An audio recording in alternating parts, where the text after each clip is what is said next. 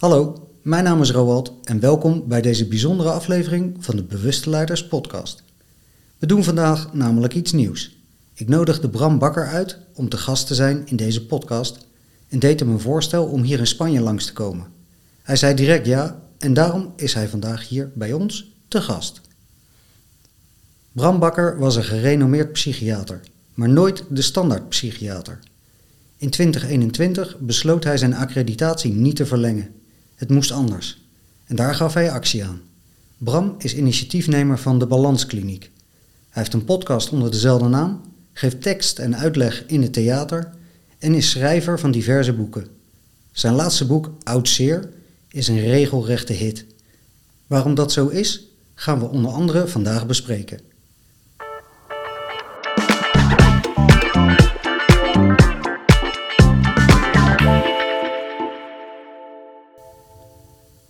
Heb jij de Bewuste Leiders Transformatieretreat al gezien? Samen met Menno Venema uit podcast nummer 11 faciliteren hij en ik in mei een retraiteweek, hier in Noord-Spanje. We kunnen nu al zeggen dat dit een magische week wordt, waar doorbraken gerealiseerd gaan worden en blokkades en trauma's getransformeerd. Het is een high-end retraite met magische sessies, heerlijk eten en een uiterst comfortabel verblijf. Klinkt dat interessant? Kijk dan op www.bewusteleiders.nl slash aanbod. Hallo Bram. Hallo Roald. Welkom nogmaals hier in Spanje. Dankjewel voor een podcast naar Spanje. Wat een voorrecht. Ja. ja, want ik was serieus verrast dat jij uh, zo snel ja zei. Ik nodigde jou uit voor de podcast. En uh, nou, met al jouw drukke schema's, plannen en dingen uh, was ik serieus verrast dat jij zo enthousiast ja zei. En um, dat jij zo druk bent, is, komt onder andere door jouw boek Oud Zeer. Ja, daar, daar hang ik het nu weer aan op. Maar ik ben natuurlijk altijd te druk. Mm. Uh, druk, schuine streep, te druk. Ja. En uh, ik ben blij dat jij me de kans bood om weer even drie dagen te vluchten. Want uh, ik word tot heel rustig in het buitenland. Ja. Nou ja, goed. Goede plek om even tot rust te komen. En ehm, hoe is het eigenlijk om het succes te ervaren van Oud Zeer? Nou, dat, dat, dat is een ingewikkelde vraag. Uh, ik had het niet verwacht, zeker niet in deze omvang. Uh, ik kreeg ongelooflijk veel mooie en dankbare reacties.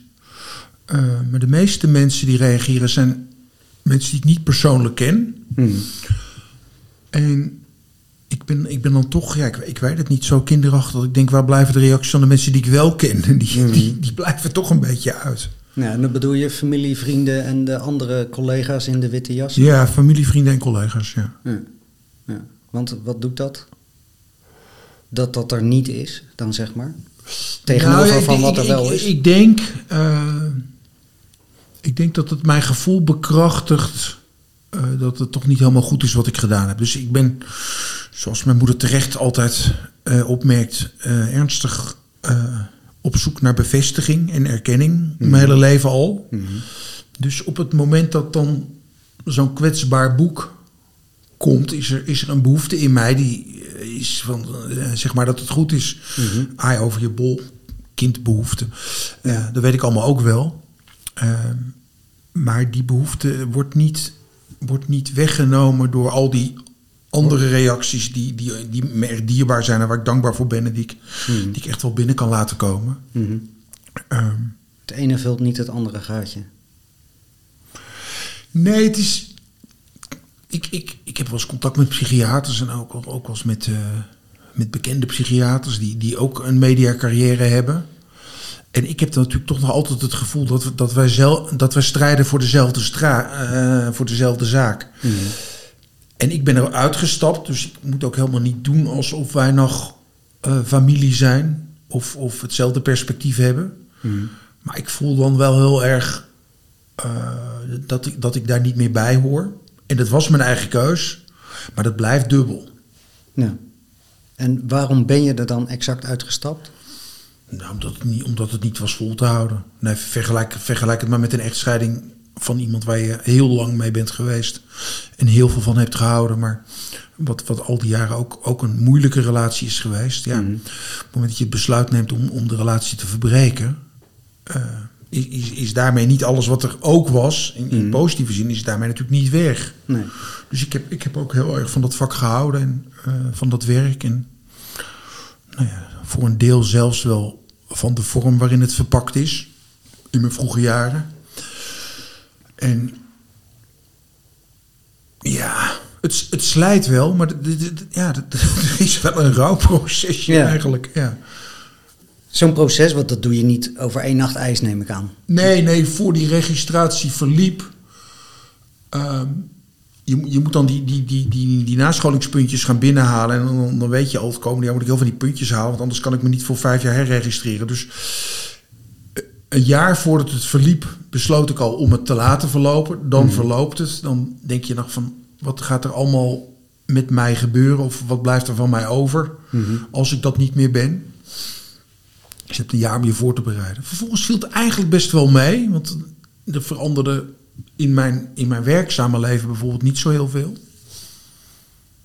Maar ja, eh, collega's die zich over je opwinden, hoe- hoe vervelend en, en, en vaak ook onterecht misschien, die doen dat nu ineens niet meer, want die, Ja. die zijn van je verlost. En, en je zit natuurlijk helemaal niet te wachten op, op persoonlijke afkeuring of afkeuring van jou als persoon. dat, dat heb ik nooit gehad, maar eh, dat hoorde er wel bij. Dus als dat dan stopt, Ja. ja, het is ja, de wet van behoud van ellende. Hè? Dus je geeft iets op wat, ook al was het niet leuk, toch wel vertrouwd was. Ja, precies. Ja, toch een beetje uit je comfortzone.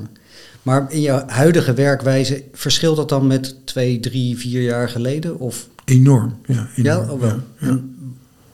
En Benoem dan eens iets. Nou ja, het is, het is, het is heel simpel. Ik moest in mijn, in mijn hoedanigheid als psychiater eh, diagnostische labels plakken op mensen en, en behandelprotocollen verzinnen en, en, en pillen aan ze voorschrijven.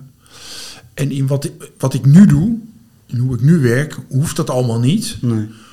En mag ik dat doen van mezelf, wat volgens mij het enige is wat er, wat er toe doet. En eigenlijk ook dat wat ertoe leidde dat ik ooit psychiater wilde zijn. Namelijk bij mensen meekijken, inzoomen op wat er in hun leven gebeurd is. Waardoor ze zijn waar ze nu zijn. Ja. En Nou, is- het zijn vaak mensen in psychische nood. Hmm. Maar ja, het is, het is heel verrijkend voor hen en voor mij als we, als, als we samen tot een, tot een begrip komen van hoe dat is gekomen dat ze zo somber of angstig zijn. Hmm. En is je huidige werkwijze dan effectiever? Nou, dat, dat, is, dat, is, dat is een claim die te ver gaat. Ehm, hij, hij past beter bij mij. Maar, maar de mensen die mijn kant uit komen helpen me natuurlijk ook. Want eh, met dat hele oud-zeer-concept sta ik voor iets. Dus als iemand bij mij een oud-zeer-gesprek inplant... dan heeft hij of zij erkend dat er sprake is van oud-zeer. Ja, dan, eh, dan, dan heb ik natuurlijk al meewind als ze binnenkomen. Ja. ja, want mensen hebben of het boek gelezen of ervan gehoord of jou ergens in de media. Ehm Oudzeer is een heel ja, persoonlijk boek. Met een eh, persoonlijk tintje, Ja, maar, niet- maar, niet, maar niet alleen. Hè. Kijk, er, er zit ook nog wel een beetje de missie... Ja, er staan ook mooie andere verhalen, eh, cases zeg maar in. Van cliënten of wat je hebt meegemaakt. Maar je maakt wel in dat boek in het begin duidelijk dat jij een verschil ziet tussen trauma's en oudzeer. Ja, Dat is voor jou echt, dat zijn twee verschillende begrippen voor jou. Ja, kijk, één, één stap verder terug ben ik eh, gaan doen wat mij ooit als, als, als 18-jarige aanzette om geneeskunde te gaan studeren. Ik wilde psychiater worden. En ik was totaal gefascineerd, geïnspireerd en, gemotiveerd door Jan Voudrenne, een, destijds beroemde psychiater. Die zei, ja, eh, niet de mensen zijn gek, maar de, de wereld waarin ze zijn groot geworden. Dus Voudrenne deed therapie met psychotische mensen. Nou, dat, dat, dat kreeg ik heel snel in mijn opleiding te horen. Dat moet je niet doen. Je moet je, je, moet je haldol laten slikken. En als ze het niet willen slikken, dan moet je de haldol prikken. Want haldol is een goed middel. Het is in alle vormen toe te dienen. En dat, dat stond natuurlijk haaks op wat die voedrennen zei. En ik, ik, ik wilde die mensen begrijpen en, en doorzien als, als, als jonge jongen al. Want ik, ik, had, ik, had, ik had twee ooms waarvan de familie zei die zijn gek. Maar ik begreep niet wat er gek aan ze was. Maar ik, ik begreep ze ook niet. Maar ik had, ik had een soort nieuwsgierigheid. Nou, eh, toen, ik, toen ik zeg maar alle, alle behandelrichtlijnen en, en, en, en, en protocollen van de psychiatrie achter me liet, was ik vrij om weer te gaan kijken naar eh, wat maakt iemand tot wat hij is? Mhm. Nou, dan is een van de dingen waar het volgens mij misgaat, en dat is een belangrijk, belangrijke lijn in dat oud zeer, eh, dat we tegenwoordig heel veel ophangen aan trauma. Dus eh, als jij gepest bent als kind, dan is dat een traumatische ervaring voor jou geweest. Nou, ik, ik hou niet zo van het woord trauma. Alles is tegenwoordig met trauma. Mhm. Maar we worden wel erg gevormd en gekleurd door, door wat er de eerste nou, 16, 18 jaar in ons leven gebeurt. Mhm. En als, als, daar dingen heel erg hebben ontbroken, en, en dat is wat mij betreft het belangrijkste oud zeer, dan, dan maak je dat kwetsbaar en dan vormt je dat op een manier waar je ver na je vijftigste nog behoorlijk last van kan krijgen. Nou, dat, dat is mijn eigen verhaal. En ik heb ook, ook heus nog wel een paar traumatische ervaringen, maar ik heb eigenlijk toch meer last van wat er niet was Ja. dan van wat er niet had mogen zijn, maar er wel is geweest. En wat er niet was, dat kan je dan. Dat is dan liefde of aandacht of eh, tederheid of. Nou ja, daar, daar wordt het dus ingewikkeld, want de, de, eh, de vakterm is, is emotional neglect, affectieve verwaarlozing. Maar dat is geen diagnose en er is dus ook niet een rijtje criteria eh, waar je moet voldoen om te kunnen zeggen: ik, ik, ik heb emotioneel te weinig gekregen. Het gaat over allemaal hele vage dingen, als, als geknuffeld worden, gezien worden, gehoord worden, eh, je verhaal mogen doen. eh, dus ook dat er naar je geluisterd wordt. Eh, ja, de, de vrijheid hebben, krijgen om, om je te ontwikkelen zoals voor jou goed is. Nou, het zit allemaal een beetje in die vage hoek. En ja, een vragenlijstje aan de hand waarvan je dat kan kwantificeren. En een behandelprotocolletje waarna je kan zeggen: evidence-based is dit de behandeling van, van affectieve verwaarlozing. Dat is er niet. Nee, past niet in een hokje. Nee. Nee. En dan in het standaard GGZ-verhaal is er dus ook geen behandeling. Want geen diagnose is geen behandeling. Nou ja, kijk, ik denk waar je, waar je terecht komt als je hier veel last van hebt, is in de rubriek persoonlijkheidsstoornissen. Wat, wat, wat oneerbiedig gezegd zoiets is als betonrot. Hè. Dus er zit in, in jouw systeem iets niet lekker. En, Mhm. en dat, dat steekt steeds maar de kop op. Mhm. Eh, bij vrouwen het beruchtst borderline, bij mannen het beruchtst narcisme. Mhm. Maar die hebben altijd dus een hele, hele lange aanloop en een hele geschiedenis is er geweest in het leven van die jongens en meisjes. Waardoor ze zijn geworden wie ze nu zijn. En het is veel interessanter en spannender om te bedenken waarom blaast iemand zichzelf zo op en waarom ageert iemand alles uit en waarom heeft iemand niet het vermogen om naar binnen te kijken. Dan, ja, dan, dan, dan daar een oordelend label op te plakken. En dat is natuurlijk toch wel wat er gebeurt. En borderline is echt wel een stigma geworden. Ja. En dan zeg je net naar binnen kijkt. Eh, vaak zoeken we het extern. Het komt door dat of ik kan er niks aan doen, want van buitenaf.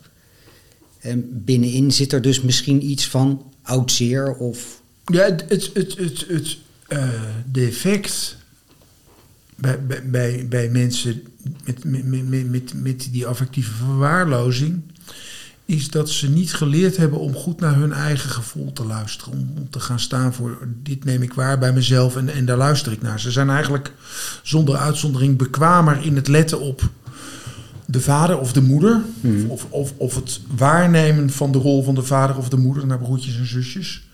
Dan dat, dat ze bij zichzelf kunnen blijven. Dus, eh, Maar ze- dat is dan mentaal in plaats van... Nee, ze, maar ze richten zich eigenlijk in alles naar buiten. Dus ze nemen veel in hun omgeving waar. Ze proberen ook in hun omgeving orde en structuur aan te brengen in hun leven. Maar van binnen is het een beetje, is het een, beetje een rommeltje. Daar is, is het niet zo op orde. Nee, en dat speelt dan dus pas in latere leeftijd eigenlijk op. Dus de, de, de nare scheiding die je hebt ervaren van je ouders toen je 12 was, die kan bijv- bijvoorbeeld pas gaan opspelen als je 46 bent.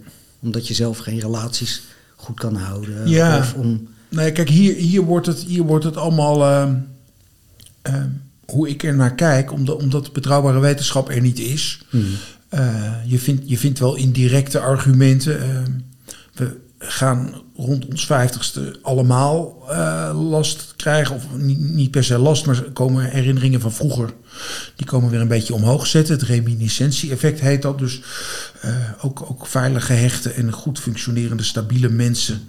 eh, hebben ineens als een jaar of 60 zijn weer meer herinneringen aan hun middelbare schooltijd. Dus, dus heel neutraal zeg ik dit. Uh, maar de groep mensen die, die eigenlijk vervelende ervaringen uit het verleden doorlopend heeft proberen te onderdrukken of, of weg te zetten, slaagt daar ergens tussen de 40 en 60 steeds minder in. Dus het, het, is, het is bijna alsof, alsof je manier van je handhaven in het leven, eh, alsof die niet meer voldoet. Hè, dus dat, dat wordt in psychologisch jargon een copingstijl genoemd. Ja, die werkt niet meer. Nou ja, ik, ik, ik, ik voel mijn bottomline niet zo'n ontzettend succesnummer. Maar ik slaag er redelijk overtuigend in de wereld te doen geloven alsof ik dat wel ben. Dus dan is, eh, kijk mij eens, dat is de copingstijl van het jongetje. Ja. Wat niet heel veel is gezien toen het een jongetje was. Ja. Nou ja, dan kan je er soms heel goed in slagen dat iedereen naar jou kijkt. Maar dat, dat jongetje wat zich niet gezien heeft gevoeld, dat, dat is er nog altijd. Precies. Dus je, je kan daarin vastlopen. Nou, het makkelijkste voorbeeld is de rijke en beroemde mannen vooral.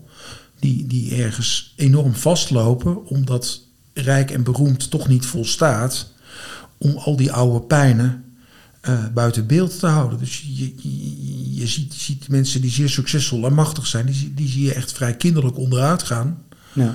Om, omdat ze toch de verbinding met dat mannetje wat niet gezien is, eh, ja, daar, die, die blijven ze zoeken of die- daar blijven ze naar verlangen. En dat lukt niet. Nee, dus innerlijk kindwerk. Nou ja, dat, dat, dat, dat, dat, is, dat is iets wat zou kunnen helpen. Maar we, we zien natuurlijk alle voorbeelden om ons heen van mensen waarvan je wel kan fantaseren als je, als je drama eh, volgt wat zich afspeelt. Dat, dat, dat die het contact met vroeger kwijt zijn. Nou, je mag niet aan publieke diagnostiek doen, maar om maar even echt een heel voor de hand liggend voorbeeld te noemen waar iedereen een beeld bij heeft, omdat die man zelf steeds zo in beeld loopt, is, is onze Elon Musk. Die heeft heel lang heel succesvol met zijn out-of-the-box benadering, heeft hij hele interessante, goede, mooie dingen gedaan. Eh, een visionair, eh, een, een, een, een allesbehalve gemiddeld mens.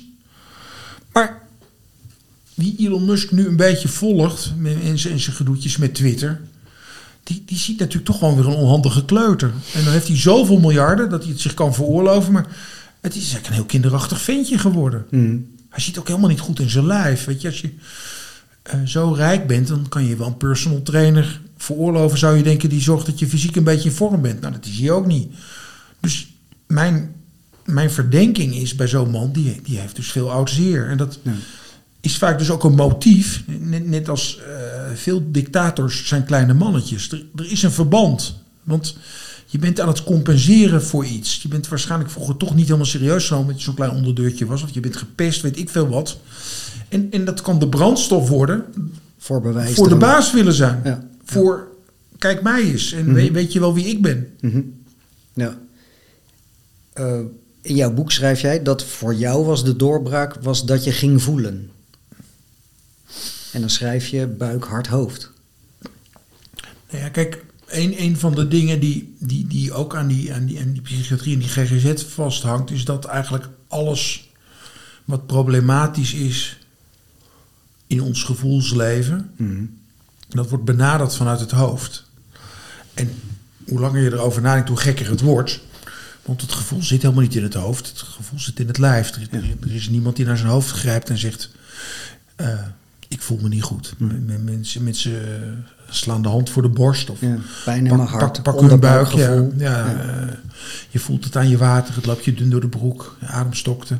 Je hart zit in je keel. Zit allemaal hier in je Ja, rond. wat heb je op je lever? Dus alles wat over gevoel gaat, zit in het lichaam. Mhm. Nou, het, het hele GGZ-model is dat, is dat ons rationele vermogen eh, is leidend. En dat, dat is niet alleen in de GGZ, dat is een beetje eh, in, in onze hele samenleving. Mhm. Je moet goed en verstandig nadenken en dan zal het goed komen. Wat natuurlijk totale onzin is. Want eh, van goed nadenken ga je je niet beter voelen. Het, het helpt wel om goed na te denken, maar het gevoel gaat voor op het verstand. Dus er is een, is, heeft een omkering plaatsgevonden. Het is veel beter om eerst te voelen en dan te denken, dan dat je met cognitieve therapie allerlei rationele trucs leert, waardoor je gevoel rustiger zou moeten worden. Kunnen ze worden, ja. En op symptoomniveau doet het heus wel iets. Dus Mhm.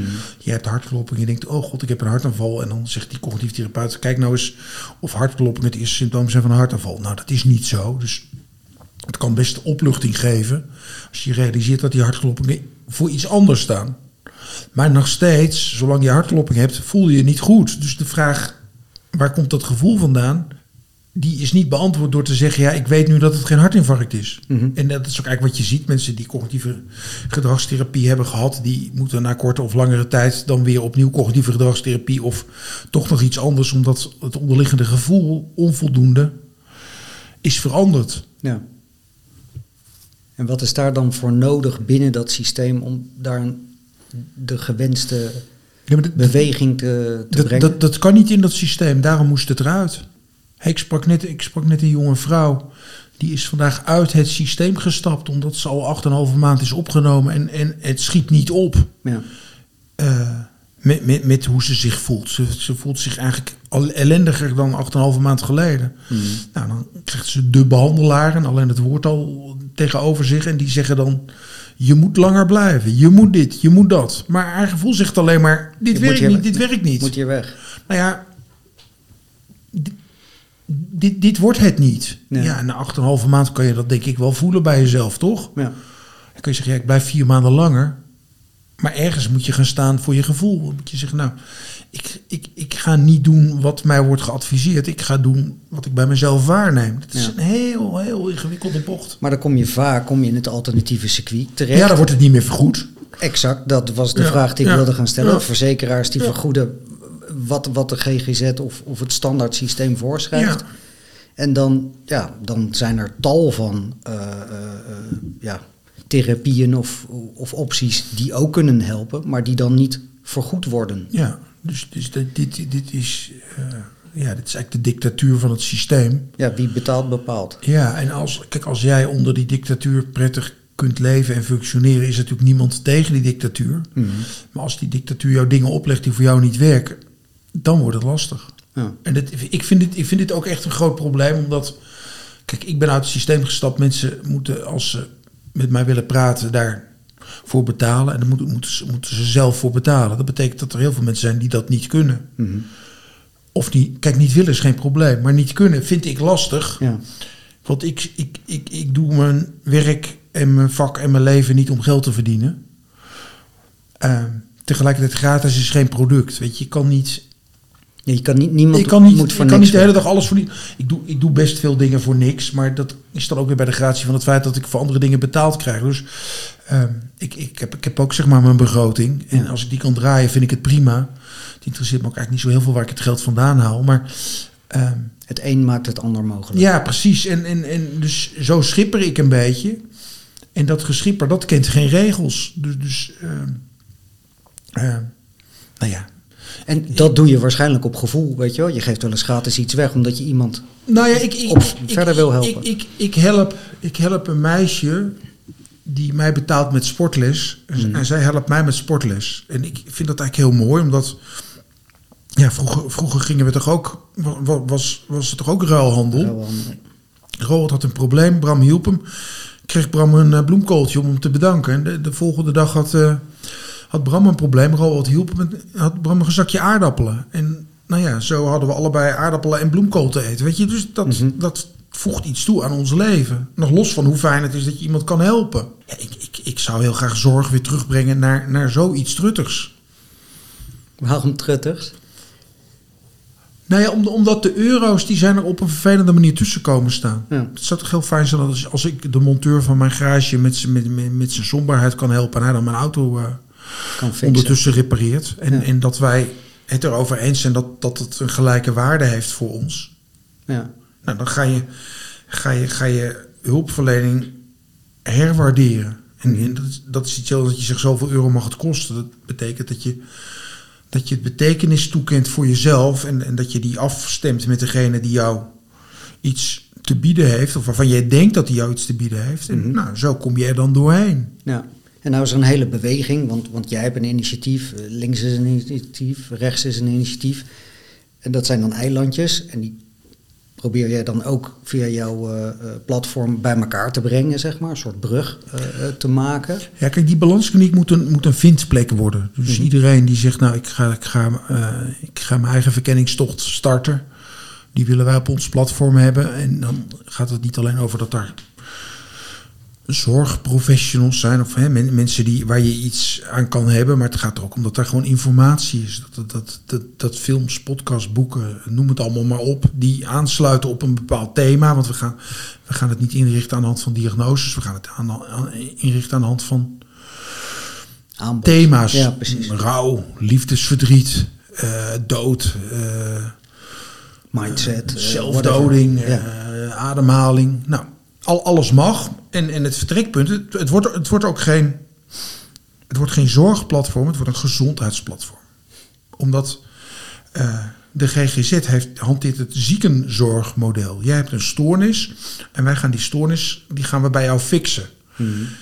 Dat suggereert dat het er in de GGZ net zo toe gaat als wanneer je been breekt of wanneer je longontsteking hebt. En dat is niet waar. Dat is eigenlijk volksgelakkerij. Want we zijn heel goed in benen repareren in Nederland. En het is ook super belangrijk dat we dat, dat we dat op deze manier blijven doen. En ook heel fijn dat er zorgverzekeraars zijn die dat betalen. Maar dit, dit, dit is iets heel anders. Weet je, emotionele problemen. Ja, die wil fix je niet met een pil. Nee, en, en, en die wil je ook niet bespreken met iemand waar je geen klik mee hebt. Kijk, als jij je been breekt en die chirurg is, is een lul en ook nog dronken, die interesseert jou niks als je been maar goed wordt gerepareerd. Want je hoeft niks met die man. Nee. Je wil zijn vaardigheid. En als je maar erop kan vertrouwen dat zijn vaardigheid oké is, Mhm. dan komt het met je been ook wel goed. En als, als hij een gruwelijke fout maakt, dan is er een terugcollege en inspectie. En dan, dan zijn er ook nog wel dingen die je kan ondernemen om, om te zorgen dat dat systeem eh, dat dat draait. Mhm. Maar ja, dan heb jij, eh, weet ik veel, jij, jij, jij ziet het leven niet meer zitten. En dan eh, heb ik met jou afgesproken dat ik je daarin terzijde wil staan. En dan is het, eh, dan is het vijf voor vijf vrijdagmiddag. En dan bel je en dan zeg je, ja, ik, eh, ik, ik loop nu naar de trein. En, en dan zeg ik, ja, wacht nog even vijf minuten. Dan zit mijn dienst erop, dan kun je rustig je gang gaan. Kan toch niet? Zo, zo, dat, dat werkt toch niet? Nee. Maar het gebeurt wel.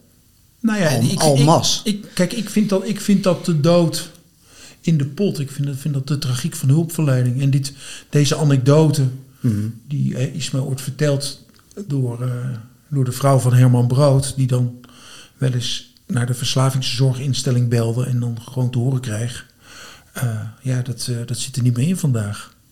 En dan denk je, Herman Brood, iedereen wilde toch Herman Brood helpen? Als je nou toch in de verslavingszorg werkt, is, is Herman Brood toch ongeveer de dankbaarste klant die je kan krijgen. En dan zeg je, nee, het is vijf voor vijf. Dat moeten we doorschuiven tot na het weekend. Ja. Waar, waar zijn we dan met elkaar? Maar het is eigenlijk gewoon een onmenselijk systeem, als ik het even zo mag zeggen. Want Nou ja, en, en, en, en, en dat je Herman Brood bent, helpt dus ook niet. Nee, maakt niet meer uit, Ik, kreeg het, ik kreeg het aan mijn cerebellum. Mhm. En ik, ik heb anderhalf jaar in het neurologische circuit doorgebracht. En echt niet omdat ik nou zoveel capsones had, maar ik dacht wel, ik, ik ben wel een collega van deze gasten. Mhm. Ze deden overigens alsof ze dat helemaal niet wisten. Eh, en ik denk, als ik nu met, met echt best wel assertief en best wel slim en ook eh, de wegwetende in het systeem, als ik nu al op deze manier word behandeld, hoe, hoe gaat het dan met een, een, een bouwvakker of, of, een, of, een, of een ziekenverzorgster of een, hè, een alleenstaande moeder Mhm. die deze klachten heeft? Nou, eh, niet beter. En het ging met mij al helemaal niet goed in het systeem. Het systeem, het systeem is onmenselijk. Ja, en waar- waarom houden we het systeem, als we, als we weten dat het systeem eigenlijk niet werkt, waarom houden we het systeem dan in stand? Om, omdat, en dat is heel treurig, maar ik, ik heb er echt niks anders over kunnen bedenken. En ik heb er lang over nagedacht. Omdat het systeem een product is. Verdienmodel? Een een verdienmodel, ja, dat klopt. En het is zelfs zo ziek dat, dat ehm, we uiteindelijk wel weten dat, dat in de GGZ het overgrote deel van de mensen een draaideurklant is. Dus ze doen een rondje, Hmm. behandeling. En dan gaan ze weer even eruit. En na korte of langere tijd komen ze weer terug.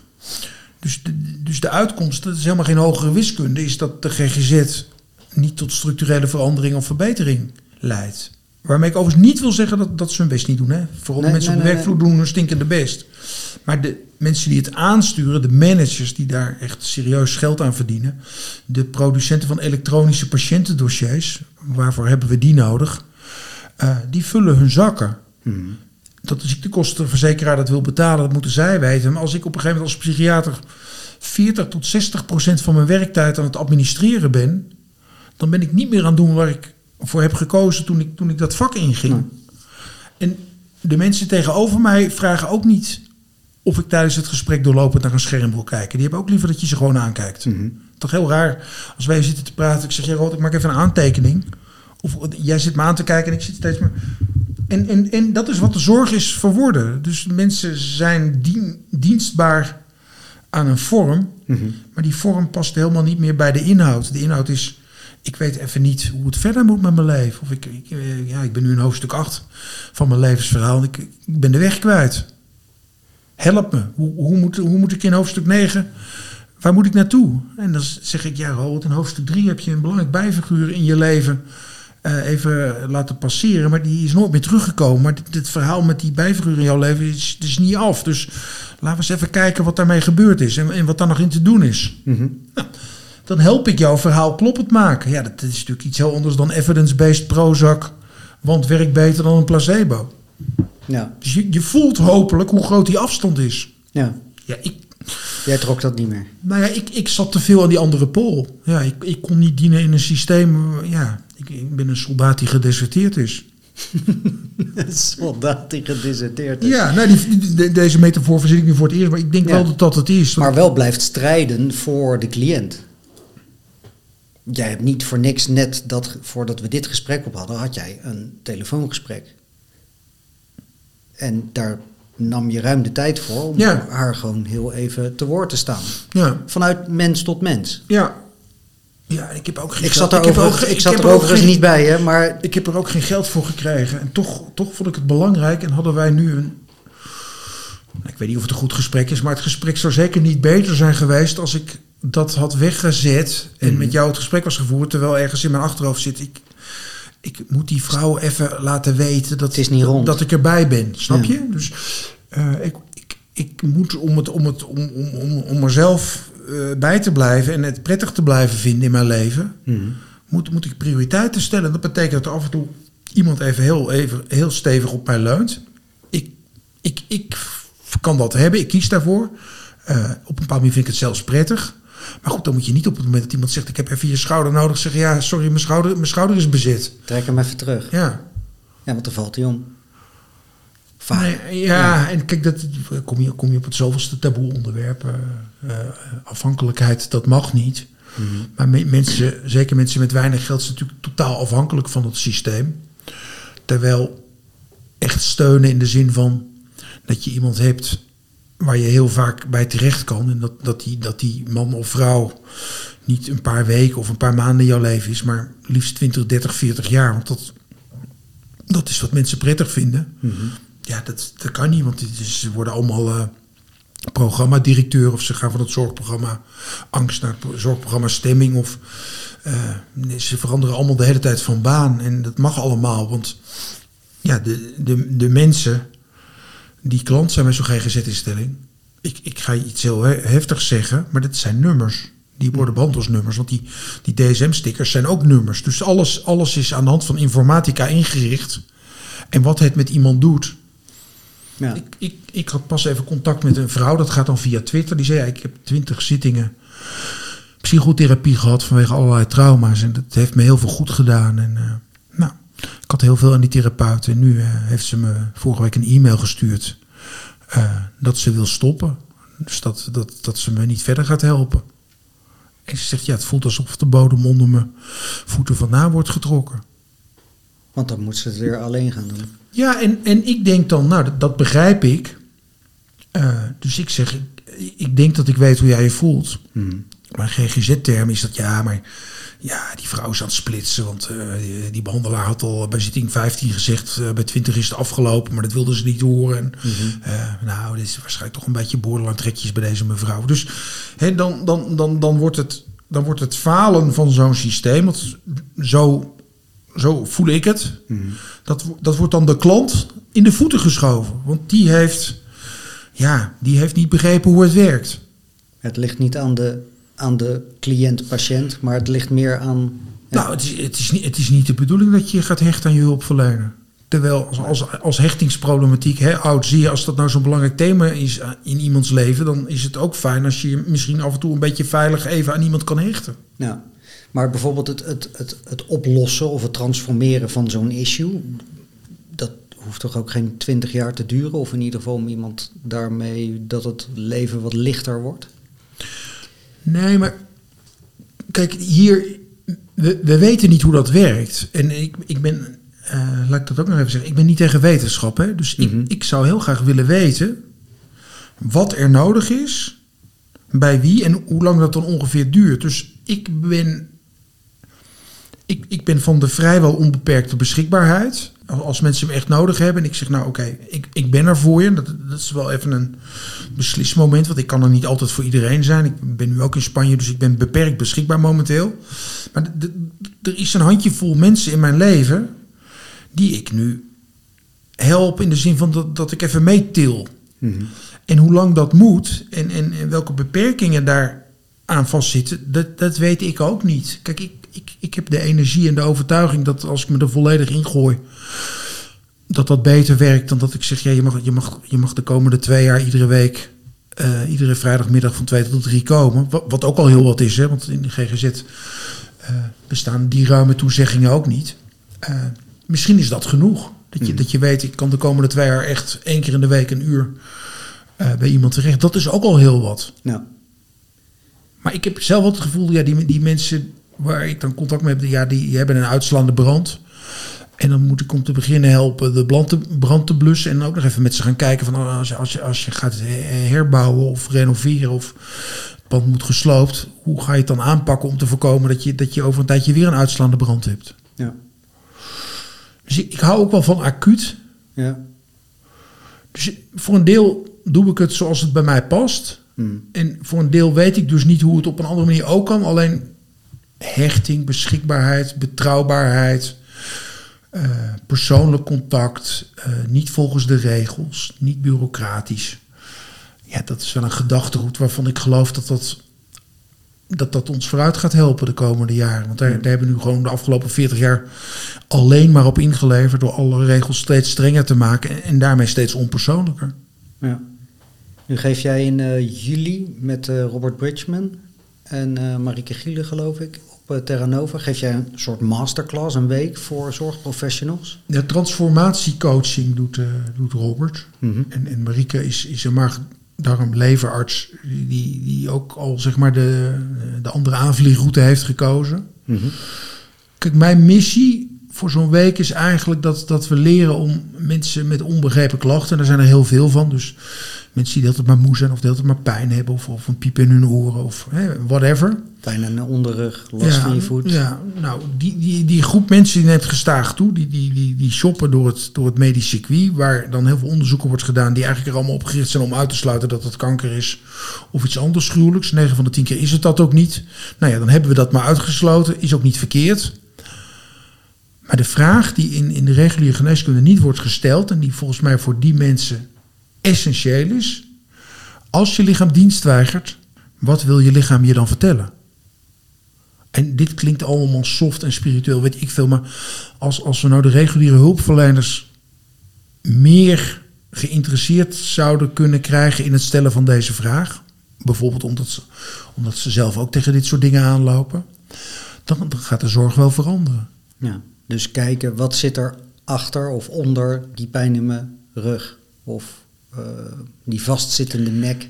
Nou ja, de, de, een, een, een bekend probleem in de zorg en, en ook in het arbeidsverzuim en uh, nou ja, in, in, in, de hele industrie rond uh, verminderde inzetbaarheid is, is de whiplash. Mm. En de whiplash, ja, kan je zeggen, ja, je bent van achteraan gereden, punt, pech, weet ik veel. Maar het is veel ingewikkelder, want het blijkt namelijk dat mensen die gaan verzuimen vanwege een whiplash, daar was al van alles mee aan de hand. En dat de whiplash een reden wordt om te verzuimen, dat heeft waarschijnlijk veel meer te maken met wat er aan de hand was dan met het ongeluk zelf. Het zou ook nog wel eens kunnen dat het ongeluk te maken heeft met dat het niet zo goed met ze ging. Want ze zaten gewoon minder oplettend in de auto. Ze remden te laat uh, voor hun voorganger. En daarachter zat iemand ook niet op te letten. Dus omdat ze zelf een beetje te hard remden, knalde iemand bij hun naar binnen. Nou, volgens de wet is degene die achter binnen rijdt fout. Ja. Maar iedereen weet natuurlijk dat als je, als je zelf hard remt, dan is er een serieus risico dat er iemand bij jou naar binnen rijdt. Dus uh, je, je kan daar zelf ook nog wel een aandeel hebben. Maar de, de, hele, de hele cultuur, de hele industrie rond whiplash is... eh, de man of vrouw die het is overkomen is een slachtoffer. En ja, dan moeten we dat gaan fixen. Maar ja, al die onderzoeken van die, van die nekwervels... die laten vaker niet dan wel iets zien. Dus het is een heel interessante vraag... wat, wat de whiplash jou te vertellen heeft. En als je door de whiplash tot stilstand wordt gedwongen... Hè, dus je kan niet meer werken door je whiplash... dan kan je daar ook een andersoortige boodschap in Ja. gaan zoeken als je wilt. Maar ja, daar moet je dan voor openstellen. Nou, ik zou het fantastisch vinden als we dokters wat meer in het standje krijgen. ja, dus meer kijken achter het, het fysieke obstakel, probleem. Wat zit Ja, die- erachter? die- Wat veroorzaakt het? In plaats van alleen maar naar de gewrichten en de nekwervels. Nou, die staan allemaal goed. eh, dus daar kan het niet meer aan liggen. Nou, er is enorme weerstand. Hè? Dus ik, ik, eh, ik, ik ben nog altijd een kleine provocateur. Dus dan moet je op Twitter zijn. Dus ik zei pas een keer op Twitter dat de belangrijkste vraag die in de reguliere geneeskunde niet wordt gesteld, is wat willen je klachten jou vertellen? Ja. Nou, dan gaan er echt, worden er mensen woedend tot Ja. en met doodsbedreiging aan toe. Ja. Omdat je toch iemand die op de IC wordt binnengereden na een verkeersongeluk zo'n vraag niet kan stellen. Ja. En dan maken ze, maken ze dus een karikatuur van mij. Mhm. Alsof ik voorstel om iemand die in coma op een kruising ligt. om die een spirituele benadering te geven. Ik volg jou op Twitter, dus ik heb Ja. de bewuste tweet heb ik gezien met Nee. de reacties eronder. Ja, en dan denk ik, ja, zo, zo, dat schiet lekker op. Kijk, ik, ik, ik, ik, ja, ik hoop. Alsof je iets insinueert dat, maar het... Ik, ik ben heel Ja. dankbaar en blij met de reguliere geneeskunde zoals die is. Als, als, als, als ik kanker krijg, reken ik me rijk dat ik in Nederland woon. Want, want de kankerbehandeling in Nederland is een van de beste in de wereld. Dus ik, ik ga niet lopen muiten. Ik ga niet tegen die oncoloog zeggen, wat, wat wil je nou man met je chemo? Ik ga gewoon waarschijnlijk braaf chemo nemen. Omdat ik, omdat ik voor de kans op langer leven eh, stuur. En dat, dat ik ergens een afslag kan nemen. Want ik denk, ja, het gaat niet alleen om hoeveel dagen ik daar heb, maar ook over de kwaliteit. Mhm. Dat, dat, dat komt pas ver daar achteraan. Als, als, als jouw been gebroken is, dan laat je eerst je been repareren. En dat je halverwege het revalidatietraject zegt, nou, ik ga thuis op mijn eigen manier doen. Ja, daar, daar kunnen allemaal mensen boos over worden. Maar er zijn gelukkig genoeg mensen die, die begrijpen dat je, dat je ergens in zo'n zorgtraject je eigen keuzes kan maken. Maar ik vind dat we veel eerder in het zorgtraject, en vooral aan de kant van de experts, de professionals, ons moeten afvragen wat we aan het doen zijn als we de houding aannemen van wij weten wel wat goed voor u is. Want de meeste zorgprofessionals die weten het voor een ander, maar weten het voor zichzelf helemaal niet. De, de loodgieter heeft thuis een lekkere kraan. Nou, Dat is een natuurwet. Want de psychiater en de psycholoog die zijn niet goed in hun eigen emotionele huishouding. Er is volgens mij echt niet één relatietherapeut in de wereld die al 40 jaar stabiel, gelukkig, monogaam getrouwd is. Want je wordt toch geen relatietherapeut omdat je er goed in bent. Je wordt er toch, je wordt toch relatietherapeut omdat je nieuwsgierig bent hoe dat moet. En omdat je stiekem door al die relaties van die andere mensen te bespreken ook een spiegel voorgehouden krijgt van hoe jij dat doet. En dan hoor je meneer De Vries iets vertellen over hoe hij dat heeft gefixt met zijn vrouw. Dan denk je, god, dat ga ik ook doen. Ja, heeft hij goed Met- geregeld. Kom, kom je thuis Ja, en zie ik, heb van, ik hoorde vandaag iets op mijn werk. daar, daar wil ik wel wat mee. Dat is toch gewoon het echt, dat is toch hoe het werkt in het leven. Ja. ja, dat klopt. Tenminste, volgens mij trek je aan wat je, eh, of ga je doen, of er zit een bepaalde aantrekkingskracht in hetgene wat je misschien het hardst nodig hebt. Mensen zijn, zijn altijd geneigd om vanuit oud zeer weg te trekken naar iets wat daar ver vandaan is. En dat, dat kan heel goed gaan. Ehm, dat, dat kan je rijk, beroemd en succesvol maken.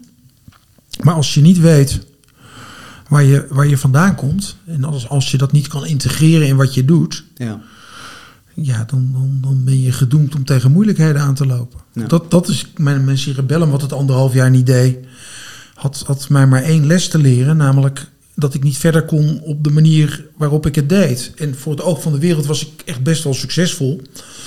Eh, knappe vrouw, eh, ik woon in het Mythische Bloemendaal. Eh, zij was iets hoogleraar. eh, ik was op radio en tv en verdiende een mooi salaris. En we hadden ook nog een hond en, eh, en een best wel vette Volvo. En, eh, maar ja, emotioneel ontbrak er toch iets Ja. voor mij. Mhm. En ik, ik hield het niet vol. Nee. En toen? Ja, toen, toen ben ik vertrokken.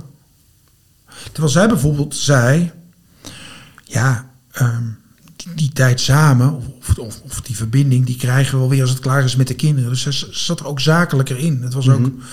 eh, we hebben de taken goed verdeeld. Die kinderen hebben ons nodig. We hebben hier een mooi huis. We bieden hier een, een, een, een degelijke basis aan die kinderen. Kiezen op elkaar doorzetten. En Ja. het- mij lukte het niet, maar ik was ook een stuk ouder. Hè, dus, een stuk, ik was zeven jaar ouder dan zij. Dus, Mhm. dus ik, ik, ik denk ook dat daar weer een verband is. Ik, ik hield het niet vol. Nee. En toen ben je met jezelf aan de slag gegaan? Nou, het is zo grappig, want toen zei ik, ik vertrek. Toen werd ik natuurlijk onmiddellijk heel erg verliefd op iemand die heel anders was. Hmm. Wat, wat natuurlijk ook niet werkt. En, en toen kwam dat cerebellum. Ja. En, en, en dat was natuurlijk het begin van, was het begin van, de, van de verkenningstocht... waar ik nou een jaar, jaar of vijf mee bezig ben. En mag ik je vragen wat dan achter dat niet functionerende cere- cerebellum zat? Ja, de, de, de, de symptomen van mijn cerebellum waren letterlijk eh, mijn probleem. Namelijk, ik, ik viel de hele tijd om. Mhm. Dus ik, eh, ik had geen balans. Dus dat, dat ik nu het platform Balanskliniek aan het eh, oprichten ben, is eh, een eerbetoon aan mijn eigen klachten. Want ik was totaal uit balans. Ik donderde om. What's in the name? Ja, en, en het andere, wat ook, waar, waar ook denk ik, een hele meta, mooie metafoor in zit, het cerebellum is iets wat eh, bij ons allemaal ontregeld raakt als je te veel drinkt. Dus ik, alle symptomen die ik had waren van ladder zat. Mhm. En dat betekent dat je omvalt. Je bent niet duizelig. Hè. Mensen die dronken zijn, die vallen ook om zonder dat ze duizelig zijn. Dus dat had ik. Dus geen balans. Eh, en ik lalde. En, en metaforisch kan je nu, verzin ik je ter plekke, kan je natuurlijk zeggen dat, dat mijn eigen teksten onverstaanbaar werden. Mhm. Dus niemand verstond mij meer. Dus ik was, ik was ook uitgepraat. Ja, letterlijk en Ja, nee, dit, ja. dit, verzin ik nu hier. En nu ben ik heel blij voor dit inzicht. Want eh, ik denk, denk eigenlijk dat er best wel wat in zit. Dus ik ga nu weer de komende dagen en weken nog eens even kouwen op dat, dat je niet meer verstaanbaar kan spreken. Wat dat Ja. zegt. ja, en dan zitten we hier een podcast op te nemen. Nou ja, kijk, de, neuroloog zal nog steeds zeggen, ja, dat komt door het cerebellum. Ehm, uiteindelijk, helemaal aan het eind van de rit, kwam er een soort waarschijnlijkheidsscenario van wat het dan was geweest. Mhm.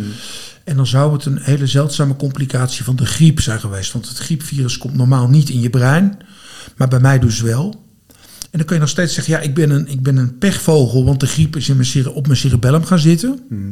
Niet te bewijzen, want dan moet je er een stuk uitsnijden. En toen ze bij deze hypothese waren, was ik, was ik al een jaar uitgeschakeld. Dus het, om dan nog mijn hersenen te gaan snijden, is ook een beetje vergaand. Dus niet te bewijzen. Maar als, als mijn bloed-hersenbarrière het griepvirus niet meer kon tegenhouden, dan had ik dus mijn bloed-hersenbarrière uitgewoond. Mhm. En dan wordt ineens de, de parallel met, met, met de burn-out, die wordt ineens heel groot. Want Ja. Het systeem hield het niet meer vol. Het systeem dwong jou Overbelast. tot stilstand. Ja. Dus de overbelasting, de, de, de verstoorde balans tussen nou ja, alle, alle verstoorde balansen, inspanning, rust, maar ook verstand, gevoel, aan, uit. Nou, je, je, je, kan, je kan je leven veel vruchtbaarder evalueren door, door er in, in een balansmodel naar te kijken dan in een ziektemodel. Want dan, Mhm. ja, dan ergens voldoe je aan alle criteria, dan heb je een ziekte. Mhm. Ja, lekker zeg. En dan moet er een pil komen die het geneest. Maar Ja. de burn-out pil gaat er nooit komen, want Ja. burn-out is geen hersenziekte. Maar- En hoe heb jij jezelf dan weer in balans gekregen aan de praat? Wat ben je gaan doen? Of, eh, want ja, je, je cirkelt dan in dat eh, mentale spectrum. Ben je heel holistisch geworden? Of wat, wat heb je gedaan? Nee, het bela- belangrijkste is dat ik, denk ik, mijn gevoel eh, serieuzer ben gaan nemen. Beter heb leren luisteren naar dat gevoel. De tijd neem wat vaker, nog niet genoeg hoor, maar om wel dat gevoel eerst, me eerst gewaar te worden van mijn gevoel en dan pas in de actie te schieten. Kijk, voelen is een beetje traag, een, tra- een beetje traag gebeuren. Dus je moet even helemaal in, in goede omstandigheden gaan zitten Mhm. en dan kan je goed voelen. Afgestemd? En in, ja, en in de tijd dat je daar bent, Mhm. Kan je al vijf eh, plannen van aanpak hebben verzonnen. Ja, dat klopt. Ja, dus dat, dat heb ik wel eens als ik Ja. ga zitten mediteren. Dan, dan gaat mijn hoofd, die poef, Ja. poef, poef, die Ja, gaat ermee aan de haal. Precies dat. Ja. Ja. En dan, dan zit je in zo'n proces en dan op een gegeven moment... ehm, jij doet ook aan hardlopen. Daar heb Ja, je zelfs, maar- kijk, zelfs een boek over geschreven. Ja, maar dat, Hielp dat, dat? hard- Kijk, kijk, dat hardlopen in mijn proces is wel interessant. Ik, ik ging promoveren op de behandeling van, van paniekaanvallen, angststoornissen. Mhm. En ik zei ja, eh, dat, dat hoort bij het pakketje om psychiater te worden. Moet ik ook een proefschrift schrijven. Dat proefschrift over angst, dat plan lag er al. Dus ik, eh, ik ben veroordeeld tot dit onderwerp. Maar ik heb er niks mee. Ik, ik was niet angstig, joh. Maar ja, ik ging aan het werk met die mensen. En ja, ik, ik had wel iets met ze. En nog steeds dacht ik, ik ben niet angstig. Mhm. Ehm, ik had allerlei rituelen en gedragingen, waaronder dat hardlopen. Waarmee ik mezelf een beetje controleerde. Dus eh oneerbiedig gezegd, eh, dat hardlopen, dat was voor mij paracetamol. Ehm, dus dat werkte heel goed. Een verdover. Tegen, ja, tegen, tegen een bepaalde onrust hielp hardlopen. Mhm. Maar de oorzaak van die onrust nam het niet weg. Nou, toen ben ik in het verlengde van deze zoektocht eh, me gaan verdiepen in ademhaling. Want paniekaanvallen, waar ik op promoveerde, heette vroeger het hyperventilatiesyndroom. En je hoefde je niet de vraag te stellen waarom mensen hyperventileren. Je moest, je moest ze ervan afhelpen met, met, met, met pillen of cognitieve therapie. Maar ik, ik ontwikkelde wel fascinatie. Maar waarom adem je dan te snel? Nou, toen ging ik dat bij mezelf verkennen. Eh, dat was nog onder het mom van dan word ik een betere hardloper als, als ik mijn adem ga trainen. Maar ik, ik zat zelf als een gek te hyperventileren. Nou, weer een stapje. Dus uiteindelijk in dat hele proces kwam ik erachter dat, dat ik niet in verbinding was met mijn lichaam. Zelfs niet als ik aan het hardlopen was. Dat ik een heel angstig, scheiterig ventje ben. En dat ik mezelf kan kalmeren door, door in mijn lichaam te zoeken, te verkennen wat, wat hier gebeurt. En ja, mensen die angstig zijn, die hebben over het algemeen dat ze op de vlucht moeten voor een monster. Maar het enige wat helpt als je angstig bent, is dat je dat monster in de bek kijkt. Mhm. En dat ben ik gaan doen. Ja. En hoe was dat proces? Nou, de- kijk, dat proces is nooit klaar. Eh, ik heb wel een enorme aversie tegen mensen die dan het spirituele pad bewandeld zeggen te hebben, maar ook claimen dat ze er zijn. Volgens mij heb je het dan echt niet begrepen, want niemand is er ooit. Omdat het leven brengt altijd uitdagingen met zich mee waarvan je nu nog niet weet wat dat straks met je gaat doen. Weet je, we we gaan allemaal onze ouders verliezen, om eens iets te noemen. Of als ouder gaan we ons kind verliezen. Je kan toch niet anticiperen nu op wat dat dan met jou gaat doen. Dus wees nou maar voorbereid. Het, het lichaam heeft verrassingen in petto. En je kan je daar niet tegen wapenen. Mhm. Een, een levensverzekering is, is een heel ziek product. Dat je, dat je denkt, als ik geld betaal, dan hoef ik niet bang te zijn dat ik dood ga. Ja, houd toch op, man. Ja, of, of dan is het goed geregeld voor de, voor de mensen die achterblijven. Ja, en dan, dan beweeg je dus bij je eigen angst vandaan. Want je bent dus heel bang om dood te gaan. En dan Denk koop, ik. koop je hem af. Nou ja, ik denk eerlijk gezegd, als ik morgen doodga, dan hoop ik vooral dat vandaag een goede dag was. Dat er niet heel veel is blijven liggen wat ik had willen doen, maar waar ik niet aan toe ben gekomen. Mhm. En voor de rest, eh, mijn nabestaanden, die mogen het met elkaar verdelen en ze zoeken het maar uit. Ja. Ik hoef ook niet over mijn graf te regeren. Laat ik maar gewoon de tijd die ik hier doorbreng zo goed mogelijk doorbrengen. Mhm. En dat betekent denk ik voor eigenlijk iedereen besteed, besteed voldoende aandacht aan jezelf. Want als je voldoende aandacht aan jezelf hebt gegeven, dan kan je aandacht die ertoe doet aan anderen geven. Maar dat is de volgorde en daar, En niet andersom. nee, en daar, daar gaan met name zorgprofessionals natuurlijk, natuurlijk mis. Ze gaan eerst voor anderen zorgen terwijl ze nog niet goed voor zichzelf hebben gezorgd. Nee. Nou, je schrijft in je boek, oud zeer schrijf je over dat vooral zorgprofessionals en eh, mensen in het onderwijs. Ja, me- mensen, mensen, mensen die, die, ja, die in zorg verdwijnen. En je ziet dat natuurlijk ook bij mensen die, eh, die een broodjeshuis runnen en, en, en zichzelf over de kop werken eh, vanwege hun broodjeshuis. Die, die zorgen natuurlijk ook niet goed voor zichzelf. Nee, te veel uren werk, geen zelfzorg. ge- eigenlijk bij gebrek aan zelfliefde of aandacht voor hunzelf. Nee, ik denk dat mensen die goed voor zichzelf zorgen, die, die lopen niet zo in het oog. Want die, die zijn wat minder hard aan het compenseren. Dus, dus die, die zijn niet rijk en beroemd. Die wonen op onopvallende plekken en leiden daar voor het oog van de wereld een sloom leven. On, Mhm. Oneerbiedig gezegd. Hè, dat, is, eh, dat is de gewone man. Maar het, het, het zal Roald en Bram nog heel wat moeite kosten om gewone mensen te worden. We, we, we zitten ons maar door dit leven heen te worstelen. Mhm. Omdat we maar de hele dag aan het strijden zijn tegen demonen van vroeger. En proberen onze gedaante aan te meten waardoor het leven minder eng wordt. Ja. ja, bij jou niet anders dan bij mij dus. Nee, dat is, dat is ook zo'n dingetje. Laten, laten we nou niet geheimzinnig doen. Het leven is, is voor geen enkele zorgprofessional makkelijker dan voor de man of vrouw die hij of zij probeert te helpen. Maar nu is een vaste vraag in deze podcast is: wat is bewust leiderschap voor jou?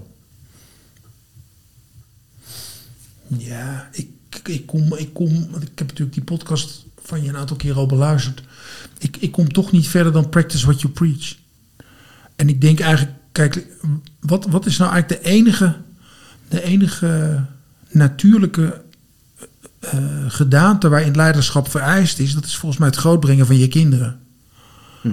En als ik die niet heb? Wat, Of- nou ja, goed. de- ja, nee, maar goed. Dus, dus even ook nog, hè, die kinderen. Mhm. Is dat je de leidsman bent van de wezens die om te beginnen van jou afhankelijk zijn.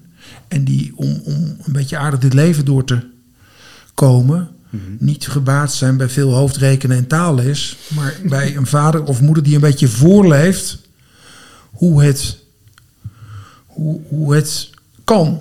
En dat lukt niemand perfect. Mhm. Maar een leider is ook iemand die zijn beperkingen durft te delen en, die erkent wat er niet gaat. Nou, als je geen kinderen hebt, dan heb je, dan heb je collega's of familieleden of Ja. En dan bedoel je eh, aanwezig. je hond. Je hond. Je, je ziet als die mensen die lopen te schreeuwen tegen hun hond. Dan denk ik, nou, je bent, je, bent- het gaat echt niet goed met je. Ja. Waarom, waarom heb je een hond nodig om tegen te schreeuwen? Ja. En dan met leiderschap, dan, eh, wat je bedoelt met beschikbaarheid, dan is het persoonlijke aanwezigheid en emotioneel beschikbaar. Nou, het is, het is wat je uitstraalt. Dus, dus het, het is gedrag, het is aanwezigheid, het is, het is heel erg non-verbaal. Mhm. En dan niet als kunstje, maar vanuit essentie. Ja, ik, denk- ik denk, ik denk als, als jij aan het einde van deze reeks gesprekken de tien regels voor leiderschap gaat opstellen, dan, dan ben, je, ben je dringend aan een beetje hulpverlening toe. Dat, dat, dat, kan namelijk nooit het doel zijn. Nee, Dat kan nooit het doel zijn. En het, het verkennen, want het, het is natuurlijk een prachtig, prachtig thema. Het, het verkennen volstaat. We zijn Hmm. niet op weg naar de oplossing. We zijn op weg door erover na te denken. En ik heb in ieder geval bewustzijn bij het feit dat, dat mijn zoon, die nu 28 is, toen hij 18 was, de leeftijd die mijn dochter heeft, een, een heel andere, minder prettige vader had dan ik nu voor zijn zus ben. Dus ik merk dat, dat die, die tien jaar die ik, die ik, of de afgelopen tien jaar, vijf jaar, maakt niet uit, die ik in mezelf heb geïnvesteerd, die komt ook mijn kinderen ten goede. Ja, mooi toch? Nee, prachtig. Ja. Maar dus dat, dat is voor mij is dat leiderschap. En, maar, en, en dat is het tegenovergestelde van wat ik vroeger deed. Namelijk tegen die jongens zeggen, schiet eens een beetje op man en eh loop eens wat harder. En eh, de voetbalwedstrijd is niet in de 85ste minuut al afgelopen. Doorgaan tot en met de blessuretijd. En, en dat je die linksbuiten liet lopen aan het eind van een perfecte wedstrijd. Dat is toch wel heel erg jammer. Want nu hebben jullie verloren. Ja, En dat had niet gehoeven. nee. Zo'n vader was ik. Gadverdamme. Ja, mooi. Nou, doe jij, eh, nou ben je dus uit het hele GGZ-systeem. Je doet wat je doet Ja. nu, met de balanskliniek en eh, je theater en je boeken. En zie jij jezelf, of zou jij jezelf graag zien als gamechanger? Dat, dat je, dat je de, de, de andere richting op een duwtje geeft? Ja, dat, dat dit, is een, dit is een thema waar ik erg mee aan het stoeien ben. Omdat er zijn natuurlijk mensen die in, in het verlengde van zo'n succesvol boek eh, jou gaan vertellen hoe bijzonder ze je vinden. En ik, ik, ik, ik ga niet zeggen dat ik, dat ik daar ongevoelig voor ben. Maar het gaat wel mis als ik daar te gevoelig voor word. En, en er zijn allemaal van die eh, spirituele idolen in deze wereld. En, ik ken er een aantal. En die willen we dan naar Nederland halen met, met, met, met een stelletje fans, zeg maar. En, en dan vraagt zo'n gek, die vraagt dan 15.000 euro per dag. Mhm. Ja, ik, ik ben dan klaar met zo iemand. Ik denk dan als jij denkt dat, dat, dat jouw spirituele, inspirerende bevlogenheid 15.000 euro per dag moet kosten. Ja, Er hangt een prijskaartje aan, aan de Nee, komst, maar, het- ja. Kijk, het, het, het- gaat niet om geld. Dus als je nou nog steeds niet begrijpt dat geld, dat geld er niet toe doet. Mhm. En, en, en we weten dat allemaal de echt grote figuren die deden, die deden niks vanwege geld. Dus ga ga, nou jezelf niet op de borst lopen kloppen over... Maar dan bedoel jij de, de Gandhi's, de Mandela's, de... Nee, ik, ik, ik geloof niet dat die op tournee gingen. De, de, de, de, grootste hedendaagse goer, ik ga zijn naam niet eens noemen, die schijnt 100.000 euro te kosten voor een dagje. Hmm. Eh, kijk, kijk, Tony Robbins op Netflix, I'm Not Your Guru. En dan zie je de totale dubbelheid. Want aan de ene kant kan die man iets echt heel erg goed, waar ik Mhm. tot tranen toe geroerd naar kan kijken. Hoe, hoe, die, hoe die verbinding maakt met mensen. Maar er zitten er 5000 omheen en die hebben allemaal 5000 dollar betaald. En, en je ziet dus ook Circus Robbins, die dan wel zegt I'm Not Your Guru, maar in alles uitstraalt dat hij dat, hij dat is en wil zijn. Ja, de meerderheid in de zaal aanbidden hem voor wat hij is en wat hij daar doet. En, en hij vindt het lekker. Ja. En ik denk, ja, op het moment dat je het lekker gaat vinden, dan ben je weg. Ja. Ja. Ja. Nou, ik heb ook een periode gehad, toen liep ik van seminar naar seminar. Een aantal jaren geleden. En op een gegeven moment dacht ik van ja, wat ben ik nou aan het doen eigenlijk hier? En eh, ik moet het gewoon gaan toepassen. Maar ja, tussen weten en toepassen. Maar de zalen zitten gevuld. Het is, het, ja, het is, het is een economie op zich. Ja, maar de, de, de mensen zijn dus wanhopig en, en de mensen zijn bereid veel geld uit te geven voor verlichting. Mhm. En, en de goeroe die suggereert dat die verlichting brengt, die heeft een product. Mhm. Maar loodgieter lekkende kraan, eh, veel van die goeroes worden op een gegeven moment ontmaskerd vanwege bijvoorbeeld seksueel grensoverschrijdend gedrag. Ja. En, en veel van de goeroes blijken dan op, een, op hun oude dag toch nog gewoon een vieze oude man te zijn. en en dat, gaat, dat, dat, dat is altijd oud zeer. Want Ja. ja, dat, is- eigenlijk is het gewoon een lelijk onaantrekkelijk ventje. Ja. Maar omdat hij zo spiritueel bevlogen is, is hij duizenden euro's waard. Ja, vervolgens komt er, komt er een wanhopige jonge vrouw. Die haakt erop aan. En dan Ja. denkt hij, nou met deze kan het wel. Gaat, hij, gaat hij tantra doen, maar komt hij toch na een paar minuten al klaar. Mhm. Ja, voor mij mogen ze ballen eraf, echt. Ik vind dat, dat zo verderfelijk. Mhm. Misbruik? Nou ja, dat is misbruik natuurlijk. En, en dat betekent uiteindelijk dat je onvoldoende voor jezelf gezorgd hebt. En dan kan je wel claimen hoe spiritueel en, en, en, en doorgemediteerd je bent. Mhm. Maar dat ben je dan niet. Nee.